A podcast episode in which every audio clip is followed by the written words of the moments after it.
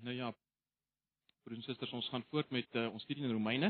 Julle sal weet ons het dit in redeliker uh, kleiner gedeeltes opgebreek. Jy's Romeine 8 is so 'n geweldige ryk uh, hoofstuk. Ehm um, dat mens maklik uh, te vinnig hieroor kan gaan. Uh volgende gaan ons lees vanaf vers 18 tot 25, net vers 18 tot 25. Ehm um, ons gaan daarby stil staan, maar kom ons word net weer stil. Ons vra dat die Here self met ons sal praat en sal werk deur sy woord. Ja Here, ons wil groot afhanklikheid na U nou kom en vra dat U ons sal help. Helder ons verstand. Raak ons aan, beweeg ons, verander ons soos U wil. Lei ons tot aanbidding van U. Ook deur dit wat ons vanoggend sal sien, sal hoor. Asseblief Here, ons vra dit net in Jesus se naam. Amen. Romeine 8 uh kom ons lees van vers 18 af. Ek gaan maar die 53 vertaling lees. Ehm um, Is nie vreeslik groot verskille nie. Ek kan miskien een een vers uh ook maar net herhaal in die in die 83 vertaling. Romeine 8 vanaf vers 18. Paulus sê want ek reken dat die lyding van die teenwoordige tyd nie opweeg teen die heerlikheid wat aan ons geopenbaar sal word. Want Die skepping wag met met reikhalsende verlange op die openbaarmaking van die kinders van God. Die 83 vertaling praat van gespanne verwagting. Vers 20, want die skepping is aan die nietigheid onderworpe of verydeling, sê die 83. Nie gewillig nie, maar ter wille van hom wat dit onderwerp het. In die hoop dat ook die skepping self vrygemaak sal word van die slawerny van die verganklikheid tot die vryheid van die heerlikheid van die kinders van God. Want ons weet dat die hele skepping tesame sug en tesame in barensnood is tot nou toe. En nie alleen dit nie, maar ook uh, maar onsself ook wat die eerstelinge van die gees het. Ons sug ook in onsself in afwagting van die aanneming tot kinders, naamlik die verlossing van ons liggaam. Want ons is gered in hoop, maar die hoop wat gesien word is geen hoop nie, want wat iemand sien, waarom hoop hy dit nog? Maar as ons hoop wat ons nie sien nie, dan wag ons daarop met volharding.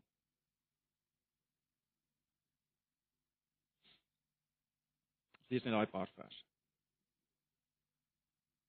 Nou ja, ek weet nie wie van julle uh, stap graag as julle op vakansie is, so 'n bietjie vir naweek wegbreek nie. Ek weet hier is 'n paar stappers onder ons. Maar julle sal weet uh, gewoonlik by uh, by vakansieplekke, kampplekke is daar baie keer verskillende roetes wat jy kan volg, paadjies wat gemerk is wat jy kan volg en die ouens wat hou van stap kyk gewoonlik uit vir hierdie paadjies. Nou stel jou voor uh dat jy op een vakansie die hele vakansie roetes volg, paadjies stap en uh heel teen die einde uh van die vakansie uh kom jy agter of sien jy hier is 'n paadjie wat weggesteek is, 'n roete wat weggesteek is. Die bordjie is effens toegegroei, is nie baie duidelik uh wat daarop staan nie en dan maak jy dit skoon, jy krap die bordjie skoon en dan staan daar op uitkykpunt. En jy begin die paadjie stap. En hoe verder jy stap, hoe meer besef jy maar dis eintlik 'n wonderlike pragtige paadjie. Baie mooier is die res. En en uiteindelik kom jy by 'n uitkykpunt waar jy geweldig ver kan sien. Pragtig, asemroop. Jy kan nie glo uh jy het nie hierdie paadjie al lank al gevat nie. Nou broers en susters, ehm um, Romeine 8 vers 18 tot 25 is in 'n sin soos soos hierdie paadjie en hierdie uitsig.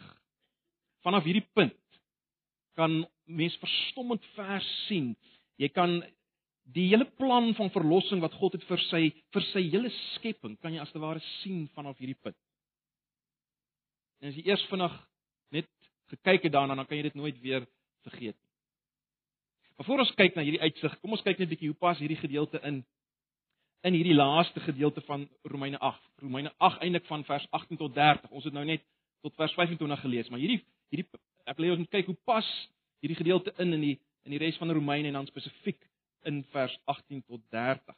Nou julle sal weet dat uh Paulus of julle kan dalk nog onthou dat Paulus in die tweede gedeelte van Romeine, julle sal weet die eerste 4 hoofstukke vorm een groot eenheid waar dit spesifiek gaan oor regverdigmaking deur die geloof en dan vanaf hoofstuk 5 is daar 'n nuwe groot afdeling.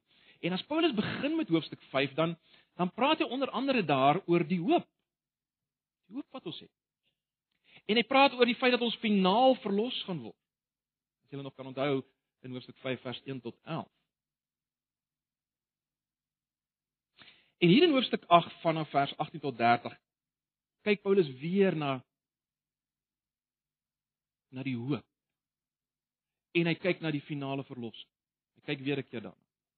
Die onmiddellike stimulus vir wat hy hier skryf is die is die einde van uh vers 17 van hoofstuk 8 waar jy sal onthou ons het verlede keer daarna gekyk waar Paulus ons herinner dat ons moet deel aan Christus se lyding as ons wil deel in sy heerlikheid. En en en die hele tema dan van vers 18 tot 30 van hoofstuk 8 is hierdie toekomstige heerlikheid van die gelowiges. Die toekomstige heerlikheid van die gelowiges. Dit die gedeelte begin vers 18 met die heerlikheid wat aan ons geopenbaar sal word. Ek sal nou iets daaroor sê. Die gedeelte begin in vers 18 met die heerlikheid wat aan ons geopenbaar sal word en dit eindig in vers 30 uh weer met heerlikheid, verheerliking as Paulus sê, die wat hy geregverdig het, die sal hy ook verheerlik. So dit eindig weer in vers 30 met met hierdie gedagte van verheerliking. En tussen hierdie twee verse, met ander woorde tussen vers 18 en vers 30 maak Paulus twee basiese punte omtrent hierdie heerlikheid. En die eerste een is die een waarna ons gaan kyk. Paulus maak dit duidelik dat hierdie heerlikheid is die klimaks van God se plan beide vir sy mense en vir die hele skepping. Die geskaapte werklikheid in die algemeen. En hy maak dit duidelik ons het nog nie daai klimaks bereik nie, so ons moet ywerig en geduldig wag daarvoor. So dis wat ons kry in vers 18 tot 25. Die gedeelte wat ons gelees het en waarna ons gaan kyk. Maar dan is daar 'n tweede basiese punt wat Paulus maak in verband met hierdie heerlikheid. En en dis net in die in die laaste verse tot vers 30 wat ons nou nie gelees het nie. En en, en Paulus wys God gaan self voorsien wat ons nodig het vir hierdie tyd wat ons wag, geduldig wag vir hierdie heerlikheid. God gaan self voorsien. Wat gaan hy voorsien? In die eerste plek gaan hy voorsien die Heilige Gees wat ons help om te bid. Dis vers 26 en 27. Hy gaan die Heilige Gees eh, die Heilige Gees gaan ons help om te bid in hierdie tyd waarin ons wag op hierdie heerlikheid. Dis vers 26 en 27 en dan vers 28 wys Paulus God beloof om alles. En dis ongelooflik, ons sal daarby kom uh, as die Here wil oor oor twee, Sondae. Hy uh, God gaan alles ten goeie laat meewerk in hierdie tyd vir ons. Nie dat nie dat goed uitwerk net wel, ten goeie laat meewerk. Ons sal ons sal kyk daarna. Terwyl ons wag in hierdie tyd, sal God alles, alles deur kruis, deur werk ten goeie vir ons volgens sy onvernietigbare plan en dis wat ons kry in vers 29 tot 30. Hy sal doen volgens sy onvernietigbare plan waaroor hy praat in vers 29 en 30. So dis min of meer hoe hierdie gedeelte hier in mekaar sit. Maar kom ons ehm uh, kom ons hou ons besig bietjie met hierdie uitsig van wat ons kry in vers 18 tot 5. Ek dink nie ek's verkeerd as ek sê die die meeste lesers van Romeine is geneig om hierdie paadjie te mis. Ons is geneig om verby te hardloop by by hierdie paadjie as ek dit as ek dit so kan so kan stel as as 'n paadjie, né? Nee, ons ons ons wil ons wil meer uitvind oor individuele regverdigmaking en en en en en en verlossing. Of ons wil meer uitvind oor die verhouding Jode en heidene. Alles dinge wat natuurlik hier is in Romeine. Maar in die proses mis ons hierdie hierdie paadjie, hierdie bordjie wat toegegroei is. En en en hierdie op hierdie bordjie staan daar heerlikheid. Heerlikheid. Ons is geneig om hierby verby te gaan. Hierdie paadjie vat ons na die skepping wat op sy tone staan in afwagting. En ons kry hier die vreemde idee van God wat die wat die skepping aan slawerny onderworp het. Dit is vreemd. Maar dis waar ons moet stil staan. Dis die plek om te besoek. Want van die bo-punt van hierdie paadjie kan jy 'n ongelooflik ver sien. Ons moet onthou, ons moet dit nooit vergeet nie. Paulus is besig met 'n baie versigtig saamgestelde brief hier en en en, en tot op hierdie punt het hy geweldige dinge geskryf rondom ons verlossing, ons posisie. Geweldige dinge. So dis net onlogies om te dink dat wat ons in hierdie verse nou kry is 'n paar irrelevante goed wat hy net vinnig aframmel. Dit wat ons kry in vers 18 tot 25. Dit kan nie wees nie, né? Nee. Uh om waarheid te sê, hierdie gedeelte vers 18 tot 25 is naby die die klimaks van hierdie hoofstuk. Is eintlik deel van die klimaks van hierdie hoofstuk en hierdie hoofstuk is eintlik weer 'n klimaks in in die boek Romeine. So so daarom sê dit vir ons dat dit wat ons hier kry is belangrik. Dis geweldig belangrik, is van kardinale belang. So kom ons vat hierdie paadjie. Kom ons kyk 'n bietjie hierna. Kom ons kyk net weer vanaf vers 17. So ek lees net weer vanaf vers 17. Die 83 vertaling sê en as ons kinders is, dan ook erfgename. Erfgename van God en mede-erfgename van Christus. As ons naamlik saam met hom ly, sodat sodat ons ook saam met hom verheerlik kan word. En dan vers 18, want ek reken dat die lyding van die teenwoordige tyd nie opweeg teen die heerlikheid wat aan ons geopenbaar sal word. So Paulus begin nou hier in vers 18 met dit waarmee hy geëindig het in vers 17 naamlik uh ons lyding, swaar kry en en wat hy hier kom doen is hy hy kom wys die belofte uh daar's 'n belofte dat ons swaar kry nie nie opweeg teen dit wat gaan kom nie. Maar maar baie belangrik, ons word weer herinner hier in vers 18 aan die feit dat dat ons Christelike lewe is onlosmaaklik verbind met swaar kry. Jy hoegenaamd nog hier sit met enige ander idee, wel jy's verkeerd. Die Christelike lewe is nou verweef met swaar kry. Swaar kry in so 'n mate dat ons as te ware geneig is om te dink dat dit niks kan vergelyk met die swaar kry waartoe ek gaan nie. En dis binne hierdie belewing wat Paulus as te ware kom en hy sê, "Wag, wag. Hoe erg dit ook al is waar jy hier uh, waar jy gaan."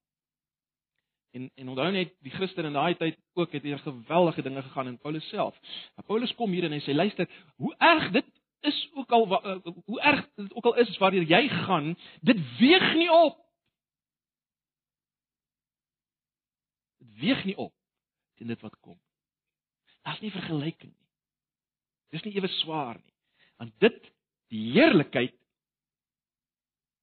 soos die 83 vertaling dit stel wat aan ons geopenbaar sal word. Die 83 vertaling sê die heerlikheid wat God vir ons sal laat aanbreek. As 'n Engelse vertaling het, dan sal jy weet eh, van die Engelse vertaling soos die King James version praat van the the glory that will be revealed in us. Nou dis nie so maklik om hierdie ehm uh, Griekse frase te vertaal nie, hoor, dit is nogal moeilik want dit beteken nie net in nie. Jy kan dit met in vertaal. Die die die voorsetsel, Griekse voorsetsel kan jy met in vertaal, maar dis nie net in nie. Uh asof asof daar uiteindelik nou iets binne in ons net gaan gebeur wat wat asemrowend is nie. Uh, dis nie net dit nie, dis ook nie net dit kan ook dit, dit is ook nie net aan nie ook nie net 'n kwessie van heerlikheid wat aan ons openbaar word in die sin dat ons as te ware toeskouers gaan wees wat kyk na iets soos 'n mens kyk na vuurwerke nie. Dis dis ook nie heeltemal die gedagte. Die gedagte hier is dat dat hierdie heerlikheid in 'n sekere sin al reeds daar is en uiteindelik gaan ons deel kry daarin. Dis dis die gedagte wat wat wat as te ware onderliggend lê in hierdie laaste frase. So ek sê dis 'n moeilike frase om om regtig te vertaal. Uh daar's die gedagte dat dat hierdie heerlikheid al iets daarvan alreeds daar is in beginsel en dat ons uiteindelik daaraan gaan deel kry. So ons moet dit onthou. Maar daar's nog drie goed wat ons moet onthou as ons iets wil verstaan van hierdie heerlikheid. Hierdie heerlikheid het het iets te maak met die erflatingskap waarvan hy gepraat het in vers 17. Hierdie heerlikheid moet iets te maak hê met dit wat ons saam met Christus die die gedagte dat ons dit saam met Christus gaan erf. Dit moet iets daarmee te maak hê en dan hierdie erflating moet iets te maak hê met die skepping, want in die volgende vers praat hy oor die skepping. Soos met dit in gedagte hou as ons wil as ons wil agterkom, wat is hierdie heerlikheid? Wat is hierdie heerlikheid? Dit is baie interessant. Uh 1 Petrus Petrus in 1 Petrus 1 vers 3 tot 6 stel dit so en hier kry ons hierdie gedagte van die die heerlikheid wat in beginsel al daar is en uiteindelik geopenbaar gaan word. Luister na 1 Petrus 1 vanaf vers 3. Ek lees die 83 vertaling. Petrus sê: Geseënd is die God en Vader van ons Here Jesus Christus wat na sy groote barmhartigheid ons die wedergeboorte geskenk het tot 'n lewende hoop, daar's die hoop uh deur die opstanding van Jesus Christus uit die dode. En dan vers 4: sodat ons 'n onverganklike en onbesmette en onverwelklike erfenis, daar's die gedagte van die erfenis, kan verkry wat in die hemele bewaar is vir ons, wat in die krag van God bewaar word deur die geloof tot die saligheid wat gereed is om geopenbaar te word in die laaste tyd. Daarin verheug julle julle al word julle nou as dit nodig is 'n kort tydjie bedroef onder allerlei beproewinge. So daar's ook weer die gedagte van die van die beproewinge en die swaar kry. So ons sien hier hier eerlikheid het te maak met iets onvergankliks, onbesmet, onverwelklik wat wat alreeds in beginsel daar is. Maar ek het ook gesê ons ons moet onthou hierdie erfenis, hierdie eerlikheid het te maak met iets wat ons saam met Christus gaan kry. Wat is hierdie eerlikheid? Hoe moet ons daaroor dink? Kom ons dink net eh, kom ons uh, dink net vir 'n oomblik wat kry ons aan die begin uh van die Bybel? Wat was die heerlikheid wat die mens aan die begin gehad het? Wel, die mens was geskape na die beeld van God. En deel van daardie geskape as die beeld van God het daarin gelê dat hy God se verteenwoordiger moes wees. Onthou julle? Hy moes God verteenwoordig in die skepping en hy moes baie belangrik, hy moes die skepping bewoon en bewerk en bewaak. Dis deel van die heerlikheid gewees wat die mens gehad het aan die begin. Ons weet die sondeval het alles beïnvloed, dit skeef getrek. En en en en hierdie hierdie heerlikheid beïnvloed, né? Uh die mense heerskappy beïnvloed dit dit dit het al meer gelei tot uitbuiting en en so meer en 'n onvermoë om om te doen dit waarvoor ons bedoel was. Maar dit is baie belangrik. Dit dit is wat deel was van die heerlikheid wat ons gehad het. En nou bring ons dit bring dit my by Jesus want ons het gesê die heerlikheid waarin ons uiteindelik wat aan ons geopenbaar gaan word moet te maak hê met dit wat ons deel met Christus. Dit moet iets te doen hê met Jesus. Nou ons weet Jesus was die uiteindelike laaste Adam. Romeine 5 praat daaroor, né? Nee. Uh, hy was die ware beeld van God. Maar baie belangrik ook, hy is die een wat reeds heers. Hy sit op die troon en hy heers oor die geskaap ook oor die geskape werklikheid in beginsel en dis baie belangrik. Ek weet nie of julle nog Hebreërs 2 kan onthou nie, want daar kom alles wat ons nou probeer sê, kom pragtig daar by mekaar in Hebreërs 2 vanaf vers 5. Hebreërs 2 vanaf vers 5. Ek lees weer die 53 vertaling. Luister mooi en julle sal dit sien. Hebreërs 2 vanaf vers 5. 'n Geweldige belangrike vers. Die skrywer sê want aan die engele het hy dus God die toekomstige wêreld waarvan ons spreek nie onderwerp nie. Maar iemand het eers getuig en gesê, "Wat is die mens dat u aan hom dink of die mensekind dat u hom besoek? U het hom weinig minder as die engele gemaak met heerlikheid, daar's die woord, en eer het U hom gekroon en hom oor die werke van U hande aangestel. So daar in die, in Hebreërs is baie duidelik deel van hierdie heerlikheid wat die mens uh het wat hom toekom is is die is, is om gekroon te wees en oor die werke van God se hande aangestel te wees. Vers 8 van Hebreërs 2. Alle dinge het U onder sy voete gestel. Want in die onderwerping van alle dinge aan hom het U het, of het hy dis God niks uitgesonder wat aan hom nie onderworpe is nie. Maar nou sien ons nog nie dat alle dinge aan hom onderwerp is nie, né? Nee, ons weet dit, ons ons ons sien dit nie. Dat alle dinge aan die mens onderwerp is. Vers 9 van Hebreërs 2. Maar ons sien hom, naamlik Jesus, wat vir 'n kort tydjie minder as die engele gemaak is vanweë die lyde van die dood met heerlikheid en eer gekroon sodat hy deur die genade van God vir elkeen die dood sou smaak. So hier sien ons alles bymekaar kom, né? Nee. Ons sien die mens was bedoel om as te ware oor al die werke van God se hande aangestel te wees, dis deel van sy heerlikheid. Dit sien ons nog nie, maar ons sien al die mens. Jesus, die laaste Adam. Hy's reeds daar waar ons nog moet kom. Dis die gedagte in Hebreërs 2. Ag en broers en susters, ons sien dit in die reis in byvoorbeeld in Openbaring 2 vers 26 sê Jesus, hierdie opgestane Jesus sê en aan hom wat oorwin en my werke tot die einde te bewaar sal ek mag oor die nasies gee en hy sal regeer met 'n eysterstaf soos erde goed word hulle verbrysel net soos ek ook van my Vader ontvang het. Net soos ek van my Vader ontvang so sal hy dit kry. In Openbaring 3 vers 21 sê sê Jesus aan hom wat oorwin sal ek gee om saam met my te sit op my troon so die heerlikheid wat in ons openbaar gaan word broers en susters natuurlik die die, die volheid daarvan kan ons eenvoudig nie begryp nie. Eh, soos 1 Korintiërs 2 dit vers 9 dit stel wat in die in die in die in die hart nie opgekom het nie het God voorberei vir die wat hom liefhet dis is iets geweldig maar ons kan ten minste in die lig van wat ons nou gesien het sê dat dat die heerlikheid wat in ons openbaar gaan word is deel daarvan is hierdie hierdie hierdie nuwe posisie wat ons in Christus saam met Christus sal hê as as beeld van God. Hierdie posisie van heerskappy oor 'n nuwe skepping. So ons ons daar gaan 'n 'n nuwe skepping wees waarop ons nou gaan kom waaroor ons heerskappy gaan voer saam met Christus soos Christus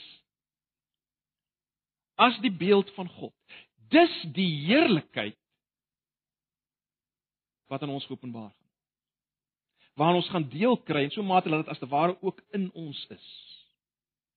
Dis die heerlikheid. Dis geweldig, is dit? Dis geweldig. En nou, as ons kom by vers 19, dit is waarvoor die skepping wag. Dis waarvoor die skepping op sy tone staan. Die skepping staan as te ware op sy tone en wag om te sien wie is hierdie kinders van God. Sien die skepping word hier uh verpersonifiseer, né, as as 'n persoon voorgestel as te ware. Die skepping wag vir die onderwerping van alle dinge aan die mens, die nuwe mens. Met ander woorde, die skepping wag vir ons, dit wag vir jou, dit wag vir my.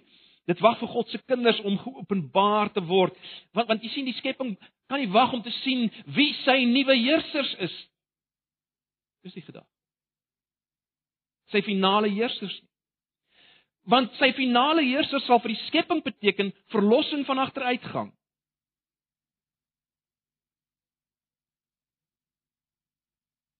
Dis waaroor dit gaan nie. Die twee gaan hand aan hand, né? Nee. Die nuwe heersers het 'n nuwe aarde nodig en die nuwe aarde het nuwe nuwe heersers nodig sodat dit nie weer dieselfde pad sal loop.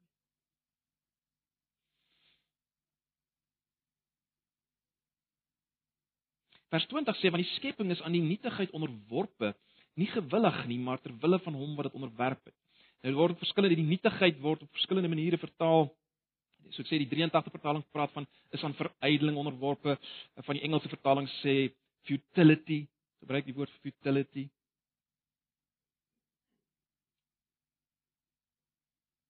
Wie die skepping onderwerp? Wel, wel dit kan net een wees, naamlik God, né? Nee, wat die skepping onderwerp het vernietig. Niemand anders het die, die mag om dit te doen nie. Om alles te verstaan, moet ons vir 'n oomblik dink aan aan aan aan aan die dit wat ons kry in die Bybel, die Bybel Bybelse verhaal. Kom ek stel dit so. Wanneer ons kyk na die geskape wêreld, geskape werklikheid, die geskape wêreld, uh soos dit nou is, soos dit nou is, dan sien ons 'n wêreld wat as te ware in dieselfde posisie is as wat Israel was toe hulle in slawerny in Egipte was. Ons weet God het as te ware toegelaat dat die Israeliete na Egipte gaan sodat hy hulle kan uitbring of laat ek dit so stel sodat hy in die uitbring van die Israeliete hulle vir ewig as te ware kan definieer as mense wat bevry is uit slawerny. Net so het God toegelaat dat die skepping aan verganklikheid, nietigheid, futility onderwerp word. In ander woorde, God het toegelaat dat die skepping onderwerp is aan somer en winter, groei en agteruitgang, geboorte en dood en al die agteruitgang wat ook veroorsaak word deur die gefalle mens. Kyk, die skepping is pragtig, natuurlik, né, nee, so vir dit. Maar daar's altyd 'n traan ook teenwoordig, né? Nee, daar's die optrek van skouers teenwoordig. Kom ek stel dit so. As as ek of jy gebly het op die kom ek noem dit die skerp kant van die skepping se nietigheid, soos byvoorbeeld op die op die op die San Andreas verskywing waar waar dikwels aardbewings plaasvind. Of as jy gebly het uh naby 'n uh, 'n vulkaan, 'n aktiewe vulkaan, dan sou jy anders gedink het oor hierdie oor hierdie ontsaglikheid van die die futility, die die nietigheid, die verganklikheid van die skepping. Uh baie keer is, is dit asof die skepping is soos 'n soos 'n buffel of renoster in 'n hok, net daar's geweldige energie, maar dit lei tot niks nie. Futility. Maar daar's hoop op verandering. As die hoop dat die skepping self vrygemaak gaan word van hierdie toestand. Uh vers 20 die 83 vertaling sê die skepping is immers nog aan ver, hy gebruik die woord verydeling aan verydeling onderworpe nie uit eie keuse nie maar omdat God dit daaraan onderwerp het. Daarbey het hy die belofte van hoop gegee. Die 83 vertaling uh sit die woord belofte by hoop. Maar ek dink nie dit is verkeerd nie want want daar is inderdaad beloftes in die Ou Testament dat God inderdaad die skepping gaan nuut maak nê nee. Mens dink aan Jesaja 65 vers 17 wat sê want kyk ek skep nuwe hemele en 'n nuwe aarde.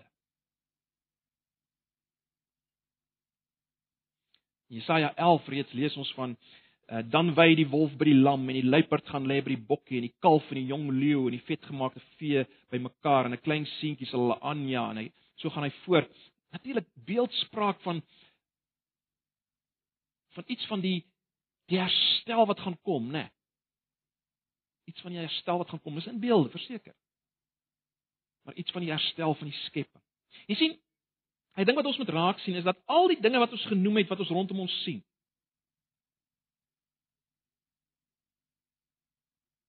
Aardbewings en tornado's en tsunamies en al die ander agteruitgang.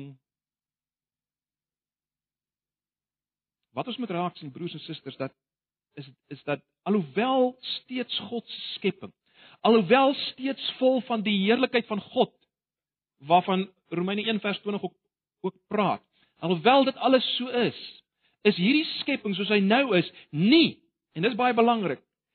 Dis nie soos dit moet wees nie. Dis nie waarvoor dit bedoel was nie. En dis geweldig, is dit nie? As ons dink aan die wonderlikheid van die skepping.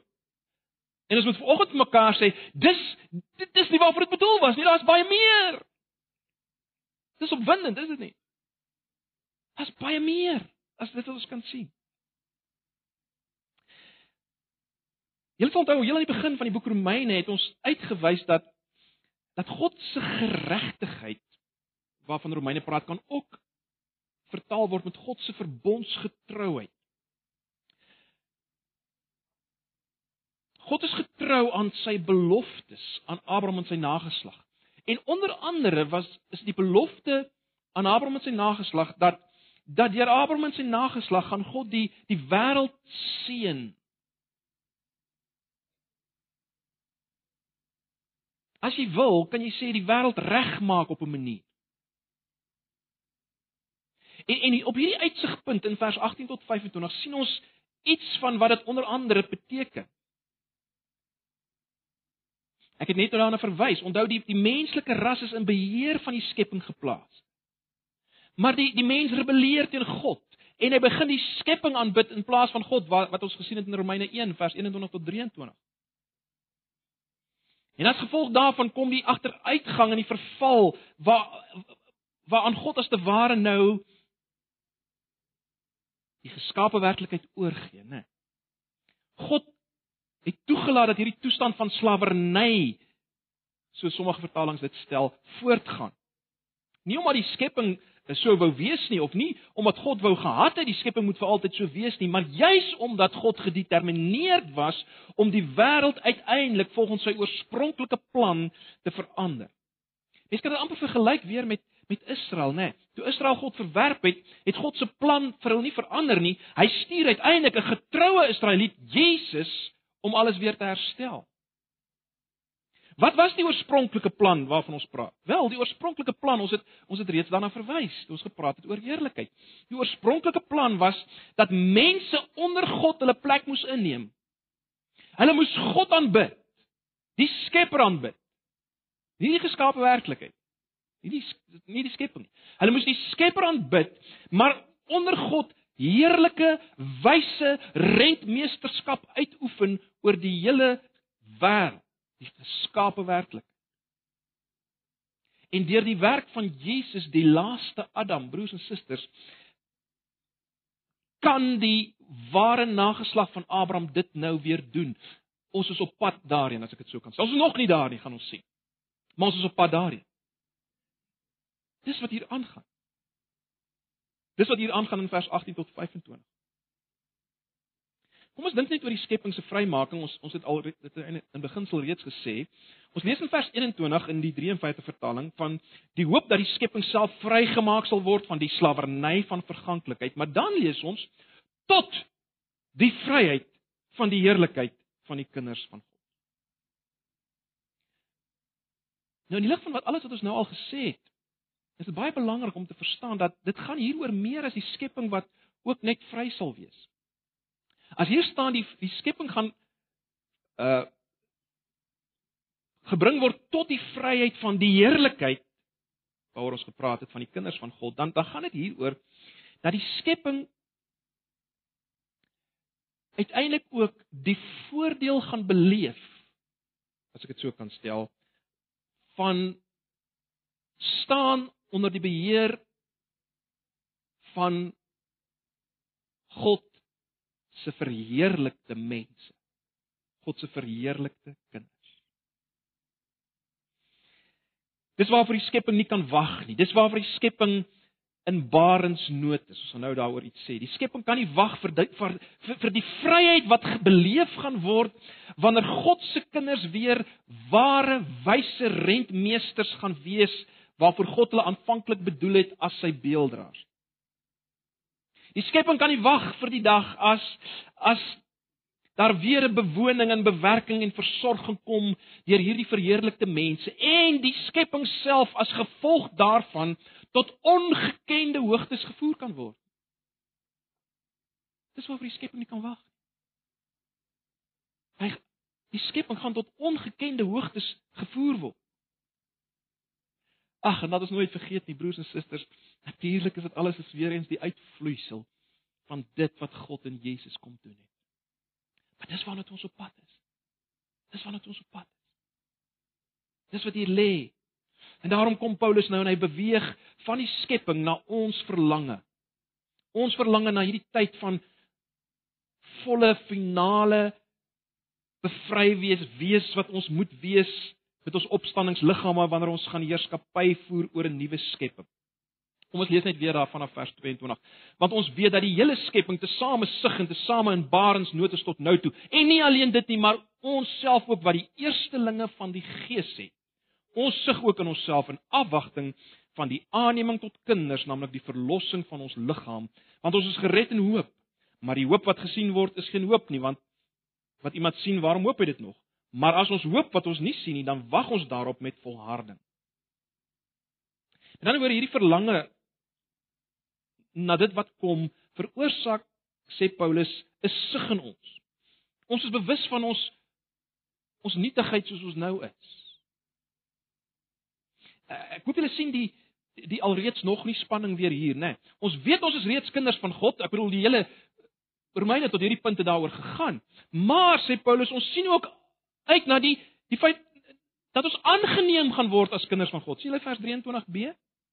Ja, ons is reeds kinders van God, maar ons sien uit daarna om aangeneem te word as kinders van God. En wanneer gaan dit gebeur as ons nuwe liggame kry? Gaan dit finaal gebeur? So ja, ons is reeds kinders van God, maar die mens kan presies die finale van ons kind van God wees. Dit wat God in gedagte het vir ons as sy kinders is mense met nuwe verheerlikte liggame. Waarmee ons gaan heerskappy voer. So daarvoor wag ons, sê Paulus. Let op hoe die Heilige Gees weer sentraal staan hier. Paulus praat van onsself ook wat die eerstelinge van die Gees het. Nou mense sou dit letterlik kon vertaal met die eerste vrugte van die Gees het. Die agtergrond hiervan uh, sal julle nou al weet, uh is die uh Ou Testamentiese gedagte dat uh die eerste daar was daar was 'n fees gewees as die eerste vrugte ryp geword het van die oes. En daai eerste vrugte was 'n aanduiding van die res van die oes wat gaan kom. En Paulus sê ons het die ons het hierdie eerstelinge van die gees.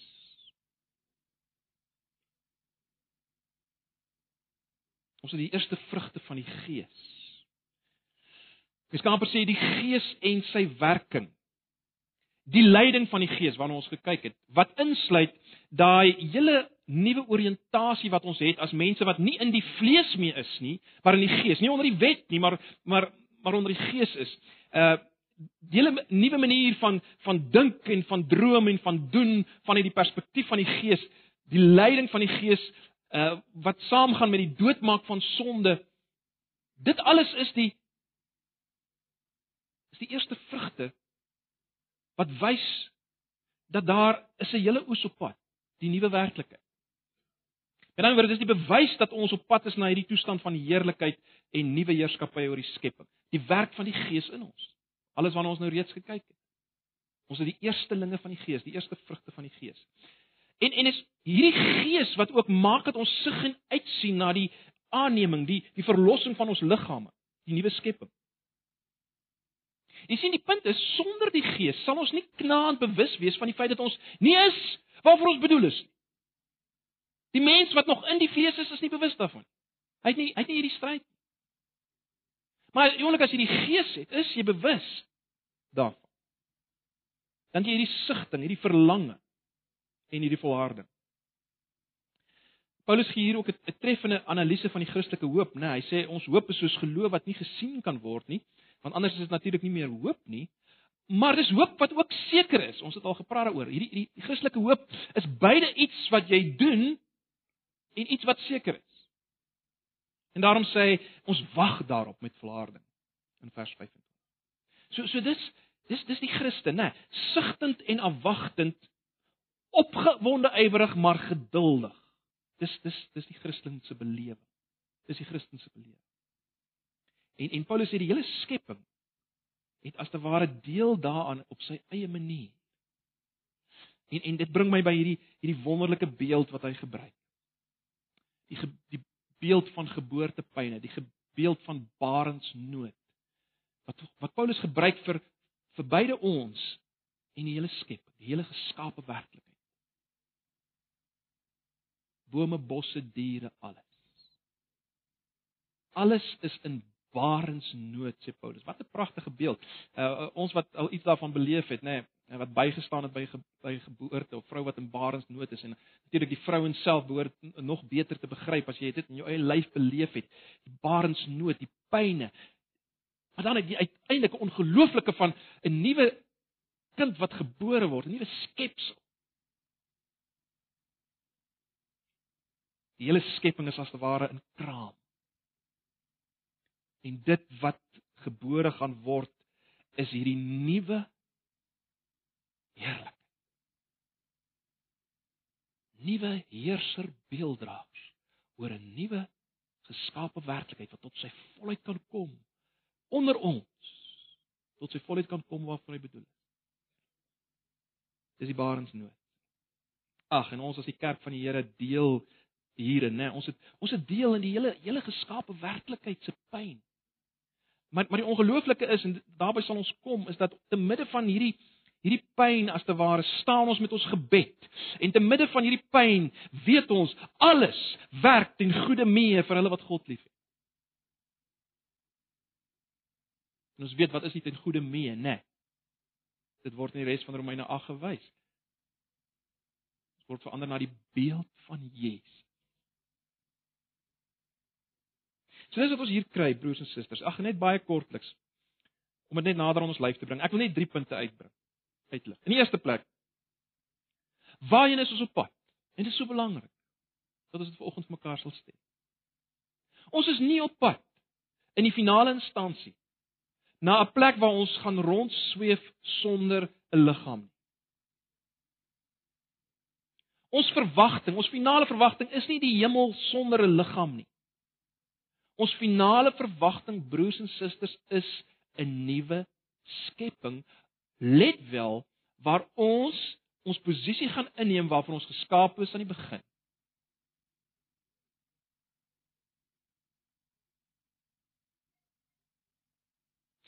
Ons moet verstaan, ons in die skepping, ons in die geskaapte werklikheid, bome, bosse, plante, diere. Ons en dit is onlosmaaklik aan mekaar verbind. Ons moet dit raak sien in hierdie gedeelte. Ons val het 'n impak impak op die skepping gehad. Ons verlossing het 'n impak op die skepping. Die twee is onlosmaaklik aan mekaar verbind. En dis waarna ons op pad is.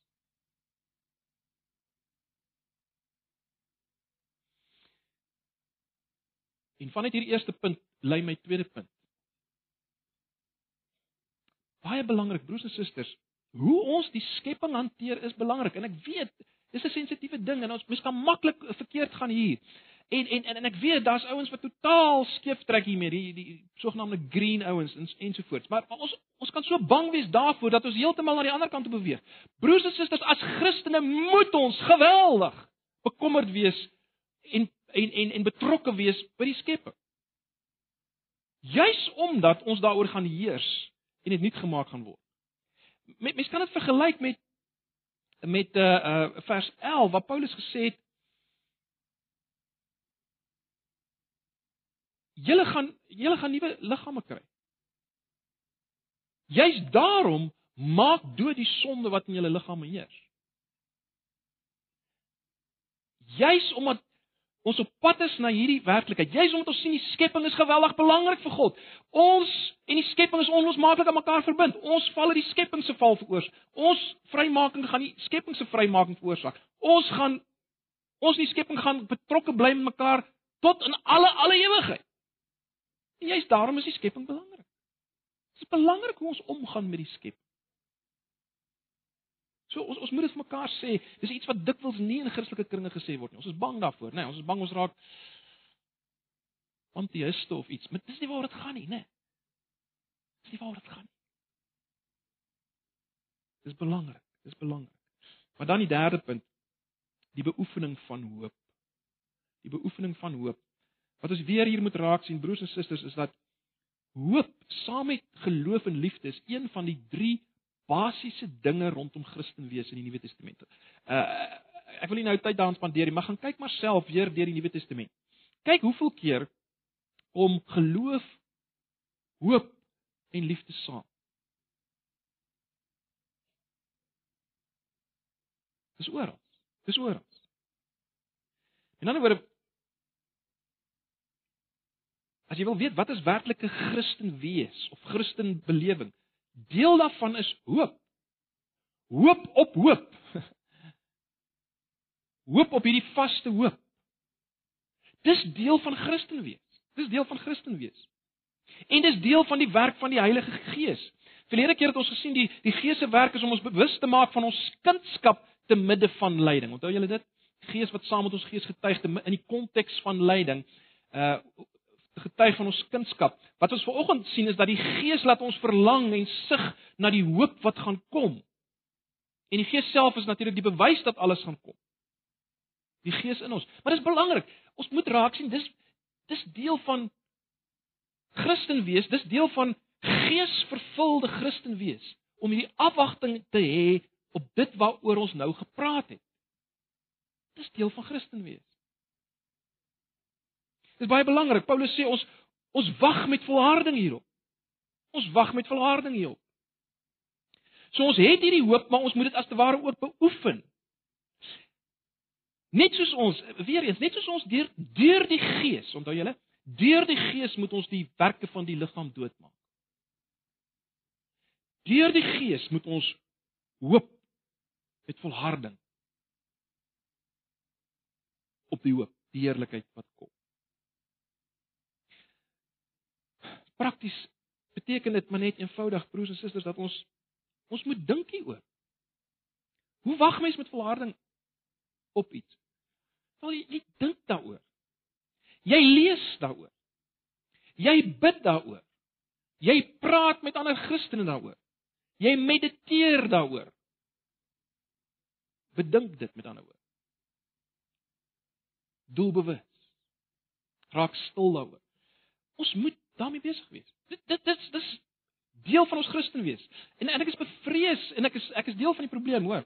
Ek is bevrees ons in die in die moderne tyd waarin ons leef, het, het dit laat verlore gaan. Daar was versekerde tyd in die geskiedenis van die kerk wat Christene baie baie baie meer prakties doelgerig met volharding gewag het op hierdie heerlikheid. Dit bedink het. Daaroor geskryf het. Daaroor gelees het, daaroor gepraat het, verseker. Ons is te gejaag, né? Nee.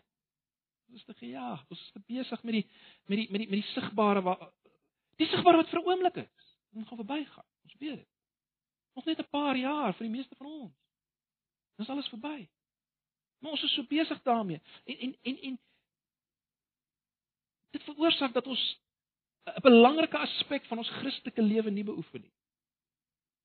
'n Aspek wat ons verseker en ek sluit myself daarbey in, verwaarloos. Wêreldsgesindheid met ander woorde. Vlees vleeslike georiënteerdheid veroorsaak dat ons dit nie doen nie. Ag, mag die Here ons help om uh om weer aandag te gee aan hierdie bitter belangrike paadjie wat ons volgens geloop het vers 18 tot 25. Uh mag die Here ons help om ons te verlustig in hierdie uitkykpunt tot eer van sy naam. Amen. Kom ons bid saam. Ag Here, baie dankie vir u woord. Dankie vir hierdie wonderlike gedeelte hier in die middel van hoofstuk 8. Ag Here, U ken ons. U weet hoe die gejaagdheid van elke dag, die lewe wat voortgaan, maak dit ons dit wil nie stil staan by hierdie dinge nie. My gebed is vir myself en vir ons elkeen, Here, dat U werklik vir ons deur U Gees hiertoe sal beweeg meer en meer. Ons wil dit van U kom vra. Ons weet ons kan, Here, juis omdat U ons Vader is soos ons ook gesien het in Romeine 8. Asseblief, Here, help ons hiermee. Ons wil as u kinders leef te midde van die verganklikheid rondom ons en in ons. Ons wil u daardeur verheerlik en u groot maak voor die oë van ook van die wat u nie ken nie wat sonder God en sonder hoop in hierdie wêreld is. Help ons daartoe, Here. Ons vra dit van U in Jesus se naam.